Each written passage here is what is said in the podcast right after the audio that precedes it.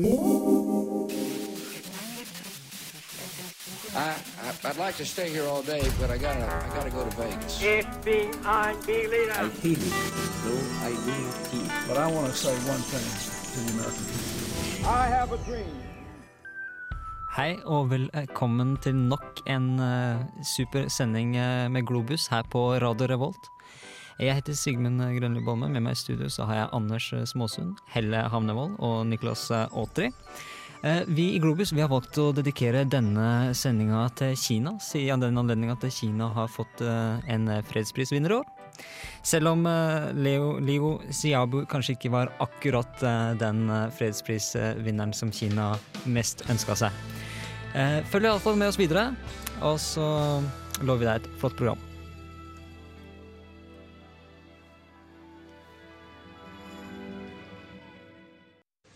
The Norwegian Nobel Committee has decided to award the Nobel Peace Prize for 2010 to Liu Xiaobo for his long and non-violent struggle for fundamental human rights in China.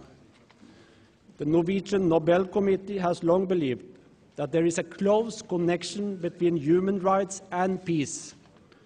Such rights are a prerequisite for the fraternity between nations of which Alfred Nobel wrote in his will.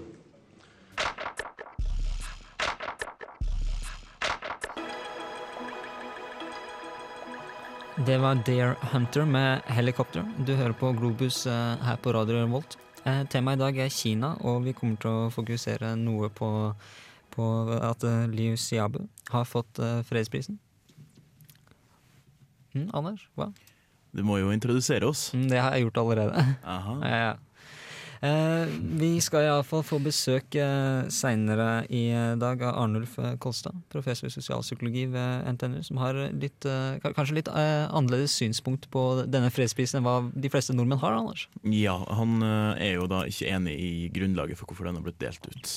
Eh, han syns at det blir feil å dele ut prisen til en dissident da, som er i fengsel. Eh, og det er det vi skal snakke med han om litt senere, for prøve å finne ut årsaken til at han ikke vil at uh, Lucy Ba skal få den eh, fredsprisen. da. Ja, bortsett fra det skal vi prate litt om, eh, litt om Kina generelt, og eh, hvordan eh, menneskerettighetene i Kina Hvordan det forholder seg med situasjonen i Kina for øyeblikket. Eh, Helle, du har en liten eh, sak om menneskerettigheter som du skal ta senere? Ja, det har jeg har sett litt på forskjellige temaer som man kanskje ofte hører om i media da, når det gjelder menneskerettigheter i Kina. Og det her kommer jo spesielt fram i lyset nå etter at eh, Liu Xiaobo vant, eh, var tildelt fredsprisen. Ja, Det er blitt eh, veld, veldig mye fokus på det. Kanskje akkurat det fokuset Kina egentlig helst eh, ikke ville hatt. Mm. Eh, Jeg hørte snakk om at de veldig gjerne ville hatt en nobelpris, men fredsprisen er kanskje den de minst hadde lyst på, iallfall ikke til en, en motstander. Ja, det er, vel, det er vel kanskje vitenskap, litt kjemi og sånne ting de egentlig har gått inn for. De har jo som eh, det er snakk om, så har de jo bare ekspandert hele sin industri, da. Og teknologi har jo bare økt de siste, siste 20 åra. Så har det bare tatt helt av. Eh, og nå er det jo verdens andre største økonomi per dags dato. Eh, og da er det jo en, ganske mye folk da, og ganske mange, så folk som har det ganske trasig. Ikke sant? Og de prøver å løfte moralen litt. Og det er kanskje ikke akkurat eh, det her de kinesiske myndighetene hadde mest lyst på. Men før vi begynner med det, da, så er det jo slik at i Chile der skjer det jo ting. da. Jeg tenkte vi skulle ta opp, for det er jo ganske interessant. Der har du jo hatt en god del gruvearbeidere som nå har sittet innesperra i 69 dager. Eh, som nå begynner å bli eh, rett og slett uh, trukket ut av eh, sin gruve. Men har de begynt å ta det ut? Ja, eh, de, nå Rett før sending så var det vel elleve stykker som var ute, jeg.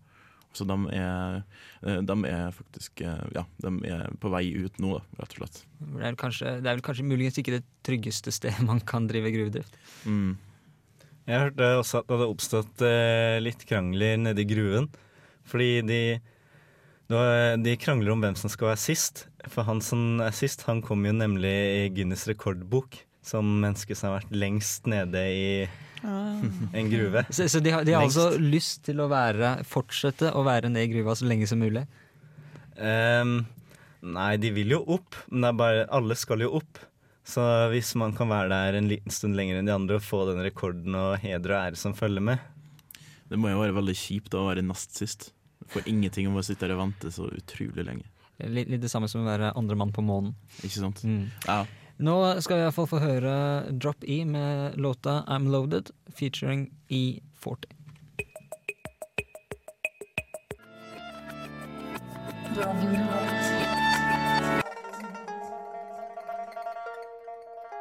I slutten av forrige uke ble det klart at årets vinner av Nobels fredspris er den kinesiske skribenten og menneskerettighetsforkjemperen Liu Xiaobo. Bakgrunnen for dette var ifølge Nobelkomiteen hans lange og ikke-voldelige kamp for fundamentale rettigheter i Kina. Liu anses som kinesisk dissident, og ble arrestert i 2009. Han sona nå en dom på elleve år etter å ha blitt dømt for å oppfordre til undergraving av den kinesiske statsmakta. Årets utdeling har ikke overraskende skapt reaksjoner internt i Kina. Myndighetene har advart om at forholdet til Norge kan bli skadelidende som en følge av dette. I en pressemelding fra den kinesiske ambassaden heter det at Liu er kriminell, og at tildelinga av årets fredspris er i strid med prinsippene bak nobelprisen. Kinesiske myndigheter kom med lignende advarsler i 1989, da Dalai Lama mottok fredsprisen. Det er imidlertid verdt å merke seg at den politiske situasjonen mellom Kina og Norge den gangen normaliserte seg etter kort tid. En konsekvens av årets prisutdeling er at fokuset igjen rettes mot menneskerettigheter, eller nærmere bestemt det påståtte fraværet av menneskerettigheter i Kina. Spesielt spørsmålet om dødsstraff og mangel på ytringsfrihet og informasjonstilgang har vært blant de mest kontroversielle sakene. Man hører ofte om at sentrale websider som bl.a. YouTube og Facebook blir gjort utilgjengelige for den kinesiske befolkninga. Og muligens var kineserne de siste som fikk vettet da Liu Xiaobo ble annonsert som vinner av fredsprisen. Det er med andre ord tydelig at Kinas utvikling på dette området ikke er proporsjonal med landets økonomiske stormskritt for øvrig. Men hva sier egentlig den kinesiske grunnloven om nettopp ytringsfrihet? Jo, artikkel 35 i Grunnloven garanterer bl.a. ytringsfrihet og pressefrihet, samt forsamlings- og demonstrasjonsfrihet. Problemet er at Grunnloven også forbyr alt som motstrider statens interesser. Dette inkluderer politisk dissidens. Rettighetene som garanteres i Grunnloven er heller ikke gjeldende, med mindre domstolene vedtar en supplerende lov.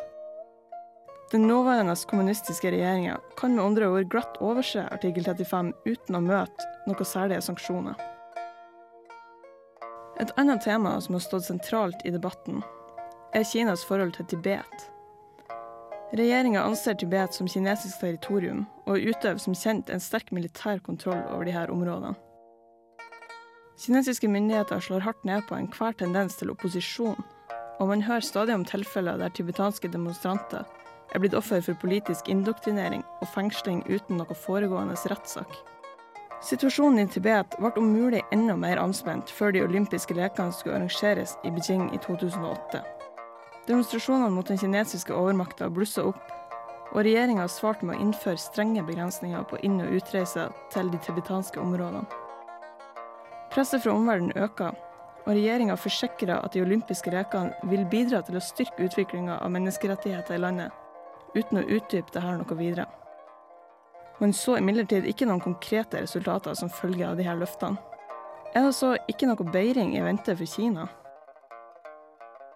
På tross av at situasjonen kan virke håpløs i vestlige øyer, er det grunn til optimisme. Støtta rundt Liu Xiaobo er enorm blant Kinas intellektuelle, og det eksisterer helt tydelig en sterk vilje til å fortsette kampen for å oppnå et åpnere samfunn.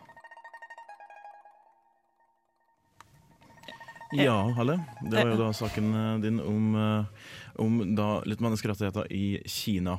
Ja. Vi hørte jo der en, liten, en liten rett og slett om eh, ja, at han Liu Xiaobo, og litt om at han har blitt fengsla. Så takk vel også litt om Tibet. Vi kan kanskje nevne litt mer om Tibet? Ja, det kan vi kanskje. Der har jo situasjonen vært eh, egentlig over veldig mange år veldig anspent, og eh, det har vært et stort tema da. I, eh, ja, de har vært offer for kritikk, fra, altså internasjonal kritikk. Mm. Um, det er jo sånn at eh, Tibet, Tibetanere kan du si, uh, de, ønsker seg, de ønsker ikke nødvendigvis løsrivelse, men de ønsker seg noe som heter for autonomi. Altså at de blir erkjent som en uh, egen provins, da, på en Ja. måte. Som er i stor grad selvstyrt fra Kina. Mm. Og der er det jo store protester fra kinesiske myndigheter som mener på at det ikke er korrekt. Og nå har de flytta inn så mange kinesere i Tibet at det ikke lenger er eh, bare tibetanere sin område.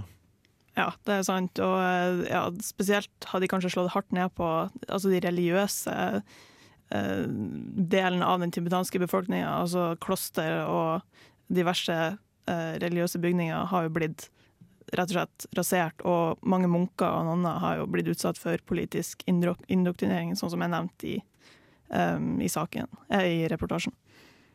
Men vet dere hvilken interesse Kina har av å ha Tibet?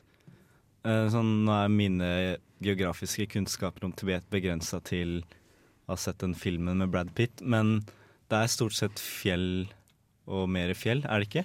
Jo, men hvis du ser, eh, hvis du ser, på, eh, hvis du ser på et kart, da, så kart, så har du da at Tibet ligger jo da i, altså i, eh, i nærheten av i grenselandene til India, f.eks. India som et stort og veldig viktig land, det også.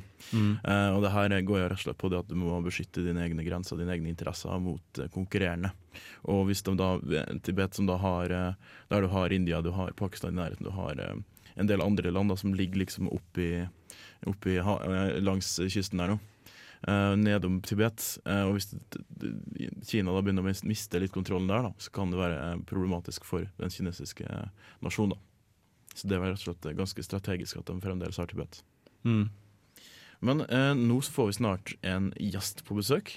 Eh, det blir jo da besøk av eh, en, eh, en professor da, i sosialpsykologi ved NTNU. Han heter Arnulf Kolstad.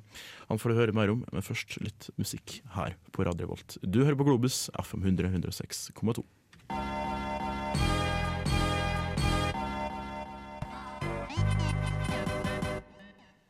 RSP, Pumpa og Torstein Hyl med låta Venstre Høyre. Du hører på Globus her på Radio Revolt. Temaet i dag er Kina og fredsprisen som har gått til Liu Xiaobo. Eh, Med oss i studio så har vi fått med oss Arnulf Kolstad, eh, professor ved NTNU. Eh, Og Arnulf, du har et kanskje litt annerledes syn på, på denne fredsprisen enn da hva den jevne norske media og befolkningen har. da. Ja, jeg er jo ikke særlig begeistra for at prisen ble gitt til en kinesisk dissident. Nei, nei hvorfor, hvorfor ikke det? Nei, fordi Hvis vi skal ta fredsprisen alvorlig, og det bør vi jo selvsagt gjøre, så er jo det en pris som skal fremme freden i verden. Den skal hindre at konflikter løses voldelig. Eh, og det må vi huske på hver gang vi snakker om fredsprisen.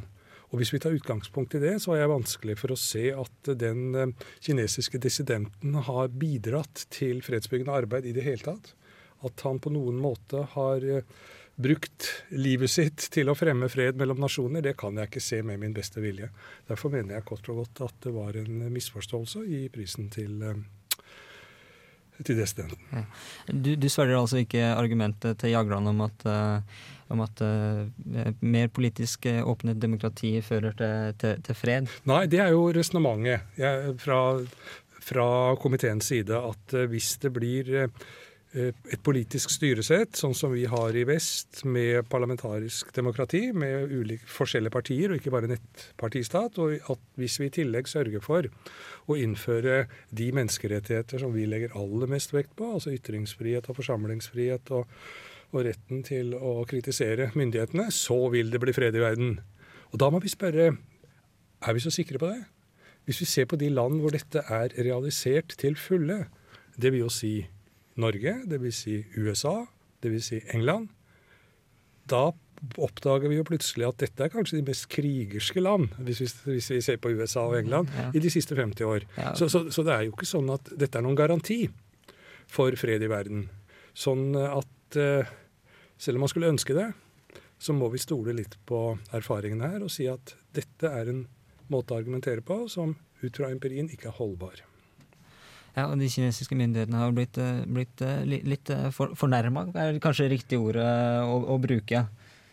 Hva hva, hva, hva syns du om de kinesiske reaksjonene? Jo, altså de har blitt fornærma, og de har blitt ydmyket, syns de. Altså, det vil si at de har blitt tildelt en rolle i verden som en nasjon som eh, ikke oppfyller de krav du skal stille til en nasjon som, som er fredelig, som, som, prøver å leve i harmoni med sine naboer. Og, og det mener jeg er å misforstå Kina fullstendig hvis man mener at Kina er en eh, krigshissende nasjon. Det er ikke få nasjoner i den størrelsen der som har vært så fredelige. Det er jo ingen tradisjoner for å ha kolonier, f.eks., sånn som Europa har hatt, og de fleste europeiske land. De har ikke vært imperialistiske på noen måte. De har, så vidt jeg kjenner til, ikke annektert voldelig noe annet land. Ikke gått i krig. Og, og jeg bor jo mye i Kina og følger med i debatten, og de sier jo veldig tydelig at det å delta i f.eks. Eh, krigene i Afghanistan og Irak, det er helt utenkelig for, for, kineserne. Fordi de fremmer sine interesser og ønsker å ha et godt forhold, harmonisk forhold til sine naboer og til alle. Så, så Derfor syns jeg også at, at, det er litt urettferdig å fremstille det som om Kina er en trussel for verdensfreden, og at vi av den grunn må gi eh, Nobelfredsprisen til dissidentene. Ja, men eh, er det eh, Spørsmålet blir da for så vidt eh, Er det, er det fremstilt som en trussel, altså som Kina, rent Kina som en trussel, føler du, eller er det men I og med at dissidenten har som formål å endre det kinesiske samfunnet ganske grunnleggende Han vil jo altså innføre vestlige former for demokrati. Han vil altså innføre veldig mye av det vi står for. Og det betyr i realiteten at den kinesiske statsform vil oppløses, oppløses. Og det syns nok ikke kineserne ut fra hva de mener er best, både for Kinas økonomiske utvikling, kulturelle utvikling, og for befolkningen, 1,3 milliarder, er noen særlig god idé. Og det er veldig mange kinesere som er, har vært i utlandet etter hvert, og som eh, kommer tilbake til Kina og ikke er så veldig imponert over det de ser i Vesten og f.eks. i USA. Og, og, men, men poenget er at Kina syns det er ydmykende å bli framstilt i verden som en nasjon som trenger å endre seg for å bli mer fredelig. Og at de da skal altså støtte den kanskje en av de aller mest kritiske eh, kineserne, istedenfor å se alle de positive sidene som dette landet og dette kjempelandet også representerer. Det syns de er urettferdig. Uh, Eh, Arnulf Kosta, vi skal prate litt uh, mer med deg seinere. Uh, nå får du Roots eh, Manuva med Butterfly Crab Walk. Check, check, check,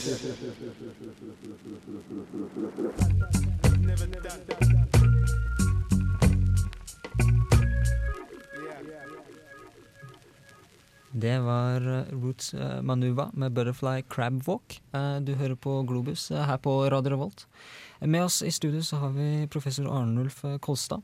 Eh, og han prater litt eh, med oss i dag om eh, Kina, og om litt, litt spesifikt om fredsprisen. Mm. Helle, du hadde noen spørsmål? ja, jeg hadde. Jeg leste jo om da du har sagt om det her med at man må se kulturforskjellene. Og at man ikke kan sammenligne kulturene i Kina og Vesten, f.eks. og at det ofte oppstår ja, at det misforstås ofte. Eh, hva slags betydning tror du egentlig det her kan få for Kina sitt forhold til Vesten nå når de er på tur opp som økonomisk supermakt? Jeg tror som sagt de er skuffet over igjen å bli stempla som et diktatur, og, og, som et land eh, der folk ikke har frihet, eh, og, og som et land som er en trussel mot freden. Men jeg tror ikke det får noen stor betydning lang, på lang sikt for den alminnelige kineser. Altså Kineserne er såpass allikevel så stolte av Kina at mm. det at de blir kritisert av og til uh, på denne måten, det har de jo vært vant til. Men, um, men de føler allikevel dette som veldig urettferdig. Fordi de, de, representerer, som du sier, en helt annen kultur og tenkemåte, faktisk. Og de er mye mer opptatt av å stå sammen om landet sitt. Ikke nødvendigvis kommunistpartiet, det betyr ikke så mye. Men, men det å å ha altså en relasjon til sin nærmeste familie, men etter hvert også til landet sitt, det er nok viktigere for dem enn det er for oss i Norge. Og det sier jo en god del. Eh, Du, du prater om kinesere som er veldig stolte eh, av, landet. eh, eh, Ganske nasjonalistiske, kan man vel si. Eh, Men du nevnte når vi pratet med, litt med oss tidligere, at det- er ikke den form for nasjonalisme som vi kanskje er vant til i Europa. Ja, du kan si Det er to former for eh, nasjonalisme. Det ene er å være veldig glad i landet sitt. Og det andre det er å være eh, fiendtlig for det som ikke er ordentlig norsk, og det som er veldig forskjellig. Så, så nasjonalismen kan tippe over til å bli fiendtlig overfor andre. Men, det kjenner etter min mening ikke Det er, det er ikke noe kjennetegn ved Kina. De eh, er jo heller ikke spesielt interessert i å eksportere sin samfunnsform til andre. Eh, De er jo klar over at dette er basert på 3500 år gamle tradisjoner, altså med Konfusé, Konfusius, som filosofen, som er veldig forskjellig fra vestlig filosofi. Og Konfusius spiller en sentral rolle for å forstå Kina. Mye viktigere enn kommunistpartiet. Eh, Konfusius han er ikke bare en filosof som lever i lærebøkene i filosofi, men alle familier i forbindelse med både barneoppdragelse og ivaretagelse av eldre kjenner til Konfusé. Eh, Og dette er noe som samler nasjonen, og som gjør at de er felles om noe de syns er veldig viktig. En, en filosof som sier at man skal ta vare på hverandre, ta vare på foreldrene når de blir gamle. At man også skal ha et, ha et hierarki i samfunnet. Man skal altså adlyde faren, man skal adlyde eldste sønn, man skal adlyde keiseren i sin tid. Og så har kommunistpartiet overtatt keiserens rolle. Og alt dette bryter jo veldig med den måten vi tenker på i Vesten. ikke sant? Sånn at, sånn at dette er en befolkning som tenker på seg selv og i forhold til andre, tenker på makt, på en veldig forskjellig måte. Veldig annerledes måte enn vi gjør. Så ikke så mye fokus på individet, eh, slik som vi har her i Vesten. Mer, mer fokus på familie og Nettopp. samfunn. Mye mindre individualistisk. altså. I Kina så, så, så, så ses det på som nærmest litt uhørt å stå fram og ytre sin personlige mening. Og dette med ytringsfrihet, som i hvert fall enkelte legger så veldig stor vekt på som, det avgjørende, som den avgjørende menneskerett, det er faktisk ganske eh, lite aktuelt i en samfunn hvor man hele prøv, tiden prøver å justere seg etter hva andre tenker, hva andre mener, og, og så, og så eh, si det man eh, eh, i øyeblikket mener, som passer med hva som skal eh, passer med hva andre sier, for å skape harmoni. Så det, å stå fram som en uavhengig, autonom person, det kjenner, det, det, så, en sånn måte å tenke på, den er veldig fremmed for kineserne. Eh, Du tegner Kina som et, eh, som et veldig annerledes eh, samfunn. Men litt mitt spørsmål blir nå, er det ikke viktig å ha noen verdier som på en måte er felles for, for mennesker? Jo, du kan si at det er det å ta, ivareta, det å ta vare på hverandre er vel kanskje det aller viktigste. Og det å respektere hverandre, det å, å ha respekt for det som er annerledes. Dette er jo veldig viktige sider eh, for eh, god eh, mellommenneskelig relasjon. Og, og det er grunnleggende verdier. Men, men, men f.eks. en verdi som hos oss er veldig viktig, nemlig det å tro på en gud, kristendommen. Der er jo ikke kineserne kristne i det hele tatt. De, tror jo ikke på noe overnaturlig gud. Det er ikke alle oss som gjør det heller. Nei, jeg er enig i det, men, men eh, det er jo en statsreligion hos oss. Og det er nok 90 som, eh, ja, som eh, tror på Gud av hensyn til om de eh, For å være på den sikre sida, i hvert fall. Men, men kineserne er veldig rasjonelle. De, de har ikke den verdien at de, at de skal være sammen om en religion. Men det gjelder kanskje også for ganske mye regioner i det området da? Eller altså for hele den eh, asiatiske delen her nå, hvis det går liksom øst for Tibet og sånne ting? Ja, så har du andre former for, for, for religioner, altså, eller i hvert fall filosofier kanskje til og med.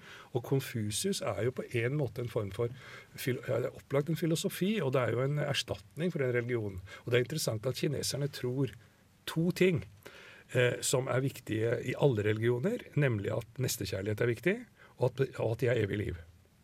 Og vet du hvordan de tror at de er evig liv? Jo, de tror de lever gjennom sine forfedre. De tror de har levd evig gjennom sine forfedre. Derfor er det så viktig for dem å ære sine forfedre. Og så tror de at de kommer til å leve gjennom sine etterkommere. Så Derfor så kommer de til å leve også evig i framtida. Dette er en veldig rasjonell måte, og det betyr også at de, de er veldig opptatt av å ta vare på både fortida og framtida. Og interessant nok, dette gjelder ikke bare biologiske barn, men det gjelder også barn som de har hatt ansvaret for. Så, så det er ikke så mye biologi og, og gener, men det er mer, mer eh, på det sjelemessige planet? da. Ja, det er altså både det sosiale og det sjelemessige. Og, og dette å, å ha respekt for sine foreldre og, og tenke sånn at jeg ble tatt vare på da jeg var liten av mine foreldre. Det er klart at jeg skal ta vare på mine foreldre når jeg blir eldre. De ser på den måten vi behandler eh, gamle på. eh, Det sammenligner de med hvordan dyr bare stikker fra sitt opphav og ikke bryr seg noe mer om det. Altså Det ser jeg på som sånn dyrisk. Altså de, er helt, de helt oppgitt eh, over at vi ikke både viser kjærlighet og har en plikt til å ta vare på de eldre gjennom nær relasjon, emosjonell kontakt. Så det er, og jeg mener jo på, på, på, en, på, en av, på mange av disse områdene så har vi i vår kultur mye å lære av denne kulturen.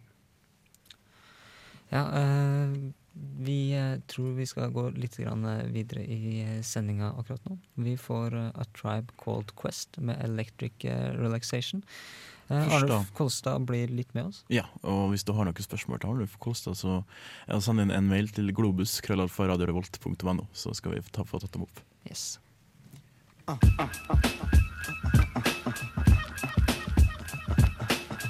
Det var A Tribe Called Quest med Electric eh, Relaxation. Du hører fortsatt eh, på Globus. Vi har med oss eh, Arnulf Kolstad. Og Arnulf, her i Vesten så er det mye snakk om det kinesiske partiet.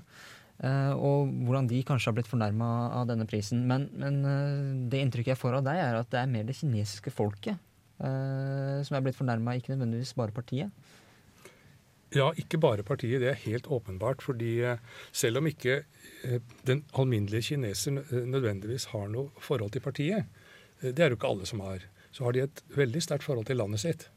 Og hvis de opplever at landet deres blir fremstilt urettferdig av Vesten, så reagerer alle kinesere. Og de reagerer kanskje sterkere enn folk i andre land ville ha gjort. Kinas forhold, eh, kinesernes forhold til kommunistpartiet er omtrent som deres forhold til den gamle keiseren. De har jo hatt et langt keiserdømme, ikke sant? Mm. Og de har, vært, de har vent seg til at keiseren skal sitte med en overordna makt og, og styre. Og det har vært en dyd av nødvendighet også, kanskje, å underordne seg den makta. Og den, har da, den rollen har nå kommunistpartiet fått. Men grunnen til at de nå, sånn som noen av mine studenter som er i Hangzhou, fortalte at medstudenter der sa at de var fått vondt i hjertet når de hørte at Nobelpris, eh, Nobelprisen var gitt til en som ville eh, undergrave den nåværende, eh, det nåværende systemet i Kina. Ja, for det, det er jo litt litt av saken her, at de føler han kanskje er i ferd med å rive ned det gamle kulturen som Ja, og, og kineserne opplever at de får det litt bedre hvert år. Og det er, det er jo et veldig nøysomt folk som, som fremdeles uh, lever i fattigdom. 800 millioner lever på landsbygda, hvor gjennomsnittsinntekten kanskje er 3000-4000 kroner i året. Det, det, det, det perspektivet må vi ha. Det er et land som er på landsbygda mye fattigere enn veldig mange andre land i verden, men, men de har klart å, å gi befolkningen mat, og de har klart å gi dem noenlunde helsetjenester. Og dette setter befolkningen i Kina veldig pris på, og så oppdager de at de får litt mer hvert år. Og det gjør at eh, kommunistpartiet kan holde seg ved makta. Fordi eh, de har erfaring for at det er et eh, forholdsvis et styresett som gir dem litt fordeler hvert år. går sakte, men sikkert, men det blir bedre til slutt også. Jeg, lurte litt på Jagland nevnte også i talen sin at man må begynne å kunne kritisere Kina fordi det er, det er en voksende, voksende stormakt. Eh, og kineserne har jo for så vidt uh, utvida sin økonomiske makt og også vist seg litt mer villig til å, til å bruke den makten for si, sine interesser. Eh, hvordan tror du det, kan, eh, hvordan det, det blir i årene som kommer? Eh, Ja, altså jeg, jeg har vanskeligheter med å se for meg hva som kommer til å skje i Kina fremover. Ja, men Det er et land som kan gå i veldig mange retninger. Det som skjer nå, er jo at det blir veldig mange rike. Og det blir veldig mange styrterike i de store byene. Og spørsmålet er om forskjellene i Kina etter hvert blir så store at det kan være en trussel mot stabiliteten. Det kan være én mulighet. Det, eh, ja, der hadde jeg en liten anekdote. Eh, Mine foreldre var jo i Beijing eh, nå for et par år siden. Og da opplevde de det at plutselig så var det jo sånn at de nå måtte bare klarere hele den trafikkerte hovedveien inn til Beijing. da, For nå kom det noen veldig, veldig viktige personer. da, Så da tok de rett og slett bare og fikk tvingt ut alle bilene. Så kjørte liksom sånn kortesje med en, en av de rikeste folka i hele Og dette godtar kineserne. Dette Mm. syns de er helt ok, dette syns de er riktig. Og, og det, det illustrerer noe av forskjellen mellom uh, vår måte å tenke makt på og, og tenke un underordning og autoritet på. Kineserne godtar det. og syns det er nødvendig at noen blir rike først, som de sier, og, og at noen har makt til å bestemme. Eh, så du, du tror ikke at eh, Kina vil, vil bruke sin makt eh, så til de grader, sånn som du f.eks. har sett USA gjøre, da, som andre stormakter fremover? Nei, jeg tror nok at de vil eh, bruke sin økonomiske styrke eh, gjennom å inngå handelsavtaler. Det har vi jo sett f.eks. i mange afrikanske land. Hvor de da prøver å få tak i råvarer gjennom å gi motytelser i form av utvikling av infrastruktur og, og utdannelse og helsepersonell. Men, men det er altså en nasjon som er vant til å drive business. Ja. Det er et handelsfolk, og det er ikke noen militær aggresjonsmakt. Sånn at hele deres måte å nærme seg omverdenen på, den vil være veldig prega av handel. Og, og gjensidige handelsavtaler. Men de hadde, jo, um, de hadde jo kanskje litt interesse i Afrika. Eh, type Det at de støtta opp om eh, forskjellige ideologiske grupperinger. Eh, og de eh, ja. De har fortsatt veldig interesser i Afrika. Enorme interesser i Afrika. Men, men det som kjennetegner kineserne, det er jo også at de ikke blander seg inn i et, indre, et lands indre anliggender. Det, det er et veldig sånn gjennomført prinsipp i den kinesiske ledelsen at et lands styreform, et lands maktapparat, det er det landets eh, ansvar. Derfor så, så kan de godt tenke seg å drive handel med regimer som vi eh, vil opplagt rynke på nesa over. Men de vil si at dette her er den eh, legale makt i det landet, og det er det vi forholder oss til. Og Det er derfor de syns det er helt utidig at vi blander oss inn i Kinas indre anliggende, fordi de gjør det veldig sjelden, hvis du ser litt etter. Selv der hvor det er kanskje veldig god grunn til det, sånn som i, i Israel-Palestina-konflikten f.eks., så, så ser du ikke Kina agere på den måten på den offentlige arena, fordi de respekterer på en måte det landets egen regjering og, og styresett. Kanskje, kanskje like mye i eh, amerikanske konflikten med Iran? eh, Ja, nettopp. De velger å holde seg på De velger å holde seg, og, og til og med i Nord-Korea, kan du si. De, de aksepterer at nordkoreanerne har en styreform, og så prøver de da å inngå en, en relasjon til dem ved å få mulighet til å påvirke dem. Det er altså ingen sånn militær konfrontasjonspolitikk. Det vi gjør, er å prøve å, å, å fjerne eh, ledere vi ikke liker ved militærmakt, sånn som i Irak, eh, Iran og, Irak og i Afghanistan. Eller å å, eksportere våre idealer eh, når det gjelder styreform, med militærmakt. Sånn kunne kineserne aldri drømme om. Vi kommer, kommer litt tilbake til idealer, for jeg skal ikke si at vi støtter invasjonen i Irak veldig mye. Men, men, men i noen situasjoner vil de, er også kineserne enige at det vil være nødvendig å, å, å bruke makt for å oppnå goder for mennesket? Jeg skal ikke se bort fra at de kan, kan mene det, men hittil så har de jo vært veldig opptatt av at dialogen løser det aller meste, og at det på lang sikt vil være en, en ulempe å, å ty til andre midler. Selv om det i øyeblikket kan være fristende, så, så, så tror jeg du skal vente lenge på at eh, Kina vil gå til uh, væpna aggresjon overfor for et annet land. Eh, ja, det er jo ganske interessant at eh, veldig mange tenker på, eller kanskje spesielt USA, jeg tenker veldig sånn at Kina nå vil få mulighet til å bygge opp sin, uh, hær. At mange frykter egentlig det militære Kina, men det her mener du det er ikke noe egentlig, Det er ikke der bekymringa ligger? Altså for folk som er bekymra? Nei, ikke sånn som jeg ser det. Og, og det er klart at eh, Kina etter hvert eh, er påvirka av Vesten til også å tenke på sin militære sikkerhet, sånn ser jeg det. Og at de derfor eh, kanskje øker sine militære styrker. Eh, eh, men det er altså ikke offensive. Det er ikke sånn out of the area strategy som vi har i Nato f.eks. Sånn finnes ikke i Kina. Og jeg skulle ønske at hvis Norge skulle ha eh, alliansepartnere i, i, det militære, så ville det vært bedre å ha en uh, militærallianse med Kina enn å ha det med USA. Det, det, det kan være noe for framtida. For, fordi amerikanerne er mer aggressive? Ja, da, de er mye mer aggressive, og de er, er alenegjengere. Og de, de gjør ting. De, de går inn i land uten å ha noen særlige forutsetninger for å forstå hva de driver med. Og så, så ber de alle Nato-medlemmene om å komme etter og støtte dem. Og det, og, det er, eh, og, og det klarer ikke vi å si nei takk til, altså. Det, det syns jeg er en veldig dårlig løsning. Ok. Eh, takk skal du ha, Arnulf Kolstad. Jeg tror kanskje vi skal prate bitte lite grann med deg eh, etterpå. Eh, nå har vi The Roots med How I Got Over.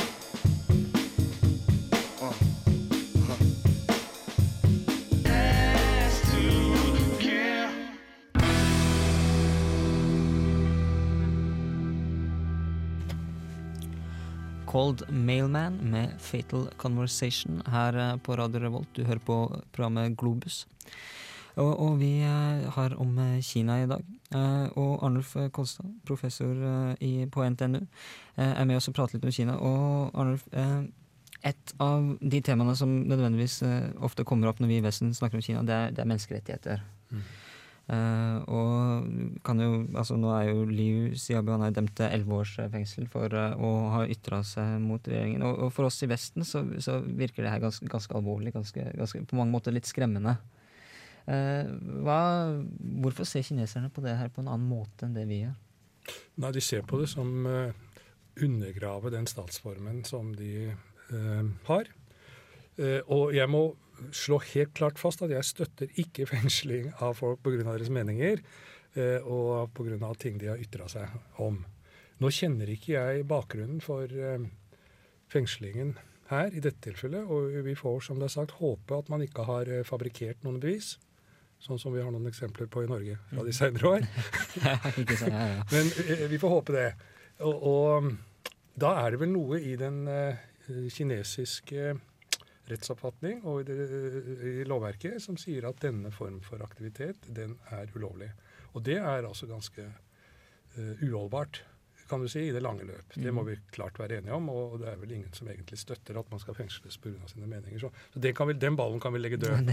Og så er spørsmålet hvordan går vi fram for å få kineserne til å endre praksis.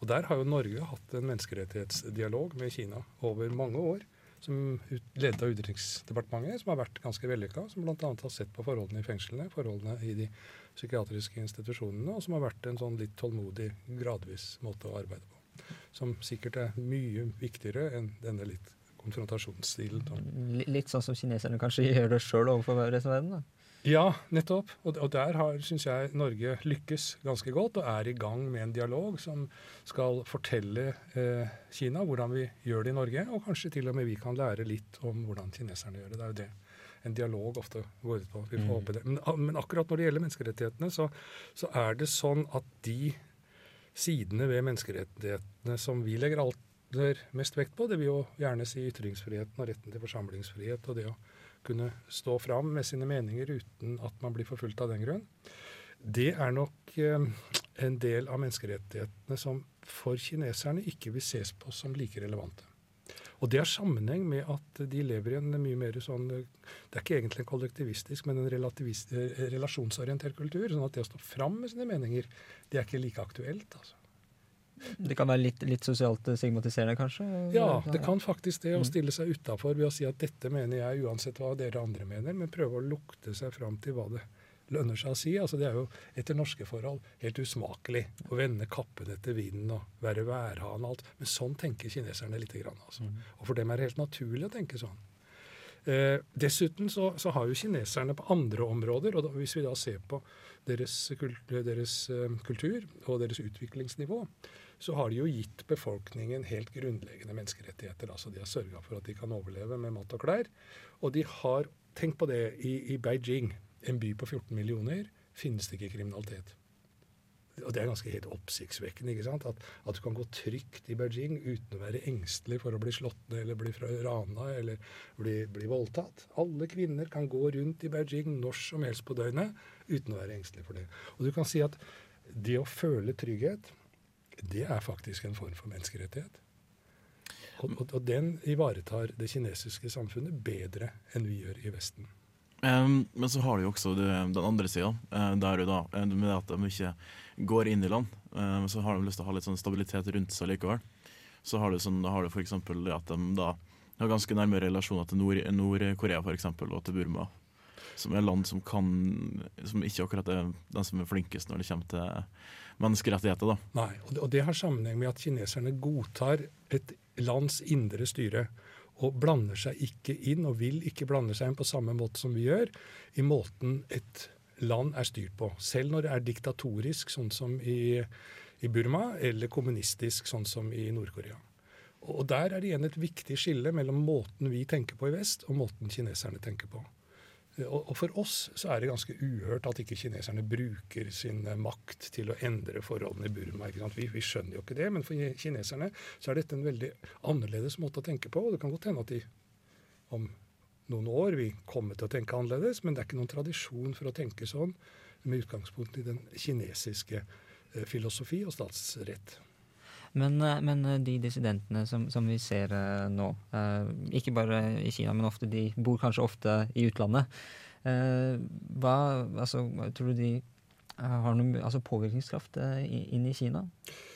Det er klart de har litt påvirkningskraft, men, men jeg tror at det er mange i Kina nå som har større påvirkningskraft enn dissidentene. Eh, Sånn at eh, Det er nå snakk om et, et eh, konsultativt styresett, er blitt kalt.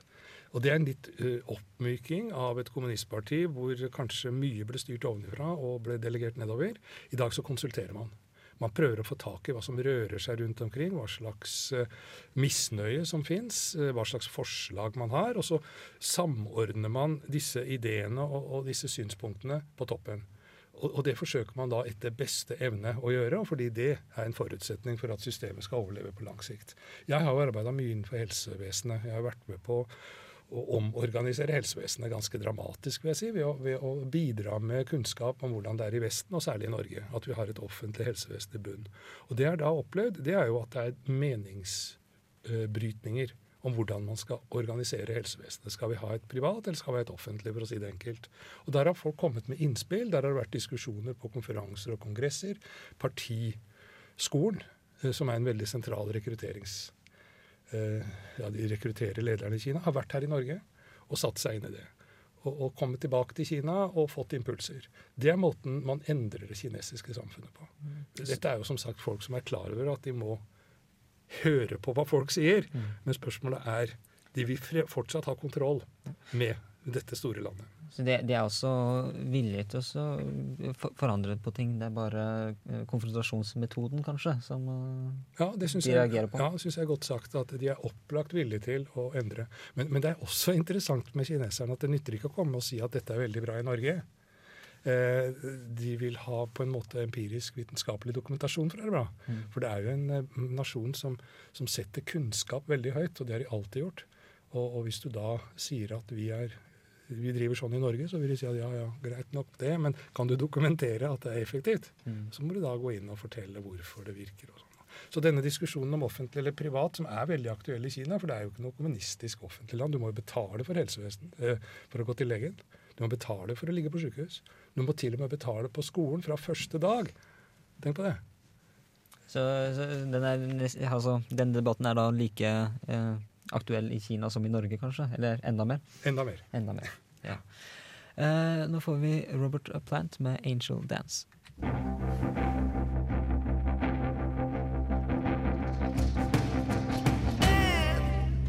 Hva du, mener om Det straffen. var eh, Angel Dance, eh, Robert Plant, som spilte der. Eh, Du hører på Globus her på Radio Revolt. Vi har med oss Arnulf Kolstad i studio. Eh, Niklas, du lurte litt, på, lurte litt på hvordan det kinesiske rettssystemet er, eller hva, hva slags strafferammer det finnes? Eh, ja. For jo, vi har jo snakket om menneskerettigheter, rettigheter, og så lurer jeg litt på hvilke konsekvenser som eventuelt venter da når man begår lovbrudd og andre ting i Kina. Ja. Nei, det venter jo en eh, fengselsstraff, altså en, og en, en veldig rask rettsbehandling. Mye raskere enn hos oss. Mm. Så det kan skje eh, i, uka etter at man har fått tak i den som har begått lovbruddet. Og så har man da dødsstraff, og hadde det tidligere for ganske mange lovbrudd. Det har man da redusert nå, i aller siste. eh, Sikkert også gjennom dialog med andre land som har reagert mye på det. Men det er fortsatt sånn at for alvorlige lovbrudd så er det dødsstraff. Og, og jeg tror, sånn, uten at jeg skal si det for sikkert, at, at for den alminnelige kineser så er ikke reaksjonene på det like sterke som det er blant mange nordmenn. Eh, vi er vel eh, opptatt av eh, menneskeverdet, kanskje, på, på en litt annen måte enn en befolkning på 1,3 milliarder innbyggere. Jeg tror vi, må, tror vi kan si det sånn. Eh, men det er en annen grunn enn strenge straffer til at kineserne er lovlydige, sånn som vi, og ikke begår vinnings- og voldsforbrytelser i Beijing. Og det er det du finner i hele Øst-Asia, også i Japan. Nemlig at man tenker enormt mye på konsekvensene. Fordi konsekvensene rammer ikke bare deg sjøl, men det er en skam for hele familien din, det er en skam for hele ditt nettverk. Og, og det er en skam for alle dine forfedre og alle dine etterkommere. Og dette holder østasiatiske folk, enten de bor i Japan eller i Kina, fra å begå lovbrudd. Dette er en enormt effektiv forebyggende strategi.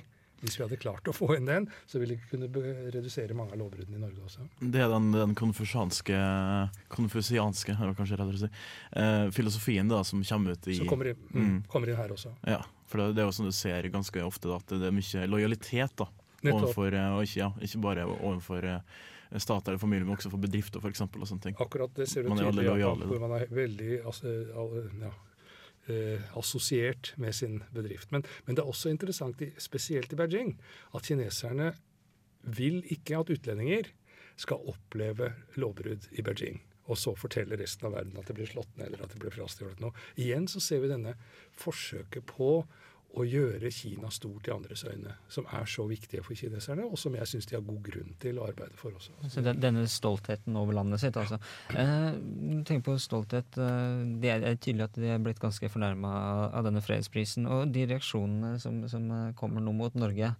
Eh, blant annet så vil de ikke møte fiskeriministeren vår. Eh, hva, hvor lenge tror du Norge kan, eh, kan risikere å møte sånne sanksjoner? Ja, men Da kan jeg godt svare at det aner jeg ikke noe om. Altså det, så akkurat hvordan Kina vil reagere i framtida, det har jeg ingen mulighet for å si noe fornuftig om. Altså. Det, Men, men var, var, det, var det riktig å vente at de kunne komme Ja, du kan si I og med at de hadde sagt fra så tydelig på forhånd, så var de på en måte nødt til det. fordi ellers så mm, ville de vel blitt opplagt, opplevd som noen som ikke holdt ord. Så de, det er klart at de hadde behov for å vise tydelig at dette misliker vi, dette vi syns vi er urettferdig, og det har vi sagt på forhånd.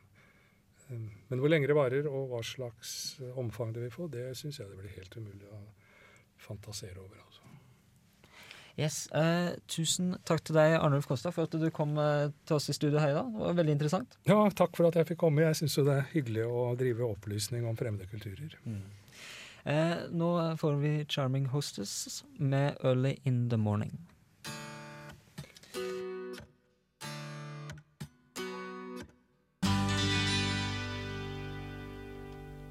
Der hørte du John Denver med 'Leaving on a Jet Plane'. Eh, nå går vi rett videre til Ukas land, eh, som Anders Småsund har forberedt for oss her i dag. En gang på tidlig 90-tallet hadde undertegna mange leketøy. Et av dem jeg likte best, var et tog.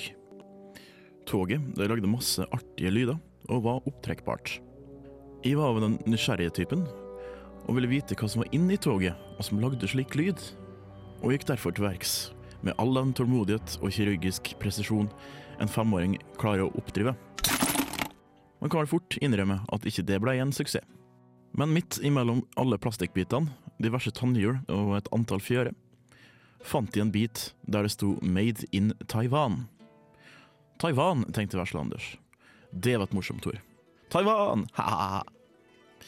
Så spør Vesle-Anders sin litt oppgitte far, som prøver å sette sammen eh, det som tidligere var et tog.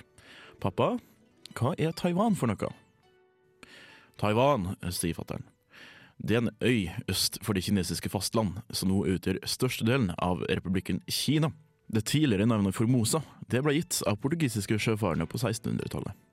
Den mandelforma øya den er på 36 000 kvadratkilometer. Den vestlige delen er bred kystslette, som gradvis stiger og går over til skogdekte platåer. Øya har også en fjellkjede som strekker seg fra nord til sør langs øyas lengderetning. De høyeste fjelltoppene når opp i rundt 4000 meters høyde. Østafor går det bratt nedover med kløfter og strie elver og strømmer ned til Stillehavet. Befolkninga er på over 22 millioner, hvorav rundt 600 000 er taiwanesisk urbefolkning. Om lag halvparten av de sistnevnte folkegruppene har i løpet av 1900-tallet latt seg sinifisere i utstrakt grad. De øvrige, rundt ti stammer, holder fast på sine språk og skikker, sjøl om de også lærer kinesisk på skolen, sier fattern. Men er det ikke en del av Kina, da? spør Vesle Anders.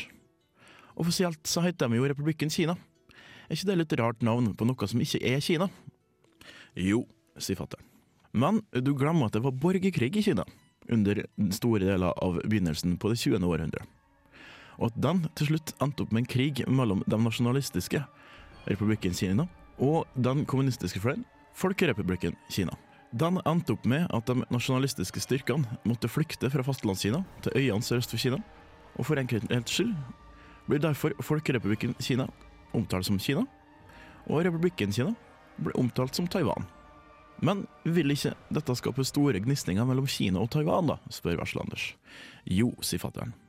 Siden 1949 har Taiwan vært en motstandsbastion mot kommunistene.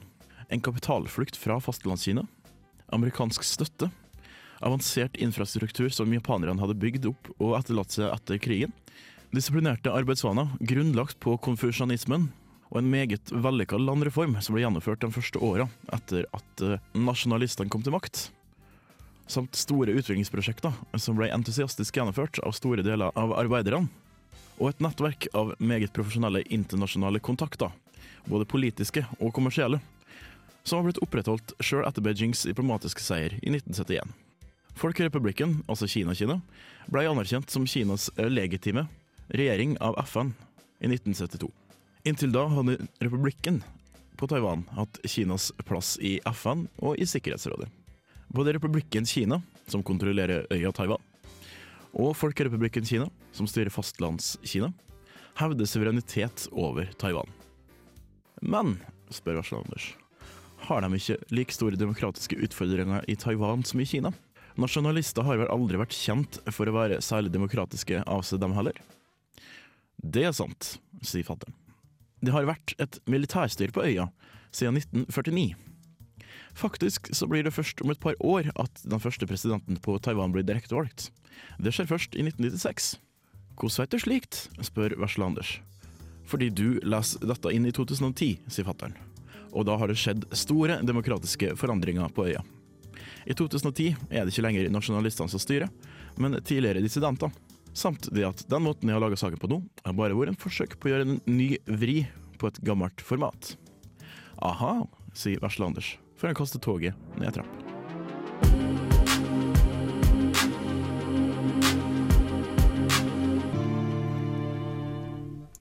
Yes, Nick Drake, The Day Is uh, Done.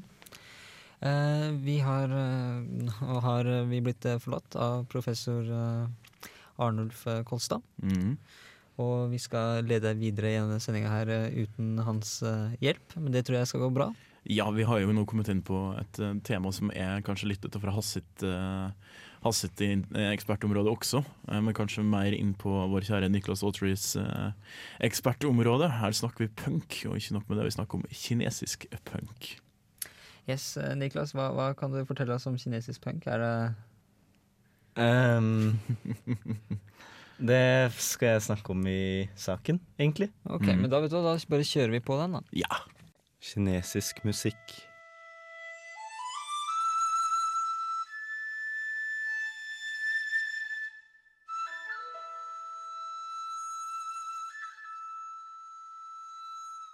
Kjære lytter.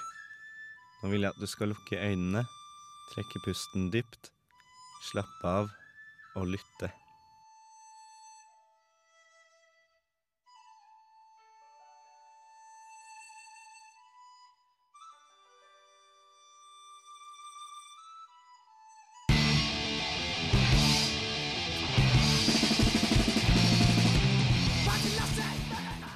Første punkbandene i Kina ble formet på midten av 90-tallet. Det er vanskelig å si hvem som var først ute, men usikre kilder hevder at Underbaby fra Beijing, som kom sammen i 1994, var Kinas første punkband.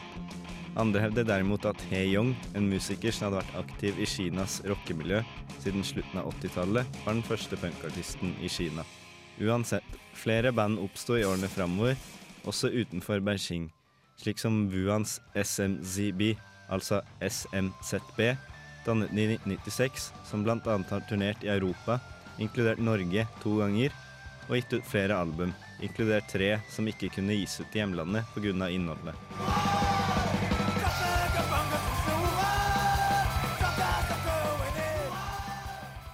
I 1997 ble Brain Failure dannet i Beijing.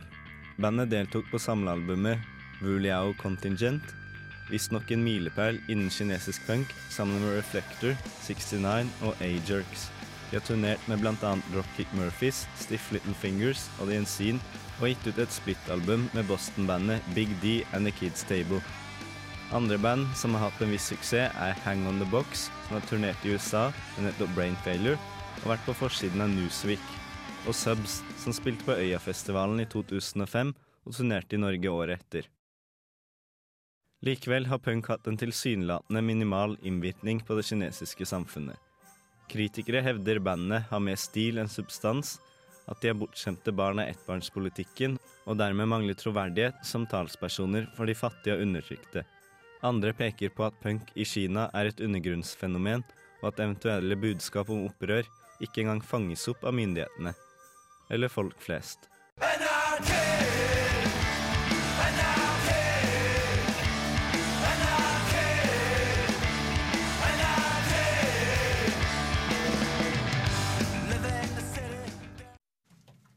Ja, vi virka som vi hadde litt eh, tekniske problemer med han eh, apekatten som sitter og eh, spiller det der noe punkorgel til oss. Han vil ikke helt være med. Nei, han løp ut av vinduet. Mm. Eh, uansett, Niklas, hvordan, hvordan har kinesiske punkrockere det i, i Kina? Um, jo, um, det som er greia Noen kritiserer jo det at de egentlig ikke har så mye å komme med. At de er mer opptatt av å se bra ut på håret enn uh, budskap. Mens, an, mens andre poengterer at det er jo ikke det at de ikke har noe budskap, men det er så på en måte undergrunns at de egentlig kan holde på som de vil, og de blir ikke fanget opp av eh, sensuren engang. Ja, for, for det, etter det vi har hørt eh, tidligere i sendinga, så er det kanskje ikke så veldig mye plass i Kina for individualistiske punkrockere, da. Um, nei, og det også fl har blitt sagt at å drive med annerledes eh, kunstuttrykk generelt er på en måte vanskelig, for det er, det er ikke noe interesse, særlig interesse for det. Men, Men- så har vi jo er det jo band som på en måte ikke har kunnet gi ut musikken sin, da. Fordi, nettopp fordi den er for eh, kritisk eller har annet upassende innhold. Ja, altså av politiske grunner, da. Ja. Men, men eh, allikevel så, så klarer disse bandene her å, å holde seg gående. Og er det undergrunnsklubber de spiller på, eller hva? Um, ja, hovedsakelig så er det det. I Kina og ja, også når de, de som har spilt i andre land, så er det jo ikke noe store Vi hadde jo et som sub som spilte på Øyafestivalen i 2005. Som også er Så det hender jo at eh, utenlandsk press presse og også viser litt interesse, for det er jo litt sånn morsomt da kinesere spiller punk, så kult. Mhm. Så Det er en kuriositet, altså. ja, sånn fra hovedsakelig. De er ikke noe sånn kjempesuksessfulle i utlandet heller. Nei. Det er mest en sånn En greie, sak. på en måte. Eh, nå skal vi gå videre, og du får SMZB Mother Tam.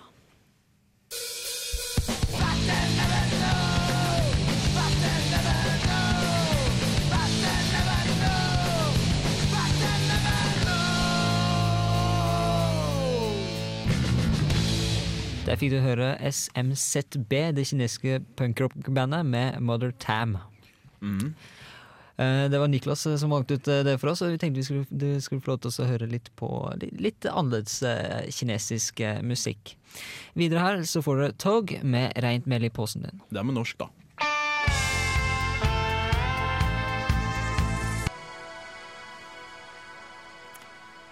Daft Punk der med Digital Love. Eh, Globus eh, for i dag er ved veis eh, ende. Vi har hatt om Kina. Interessant tema. Med meg i studio i dag så har jeg hatt Anders Morsund. Hei, hei. Helle Hamnevold. Ha det. Og Niklas Aatri. Hei og ha det. Og så håper vi at dere følger med neste gang. Her er som vanlig The Flower Kings med Ghost of the Red Cloud. Takk skal du ha, Sigmund Grønli Bolme, by the way.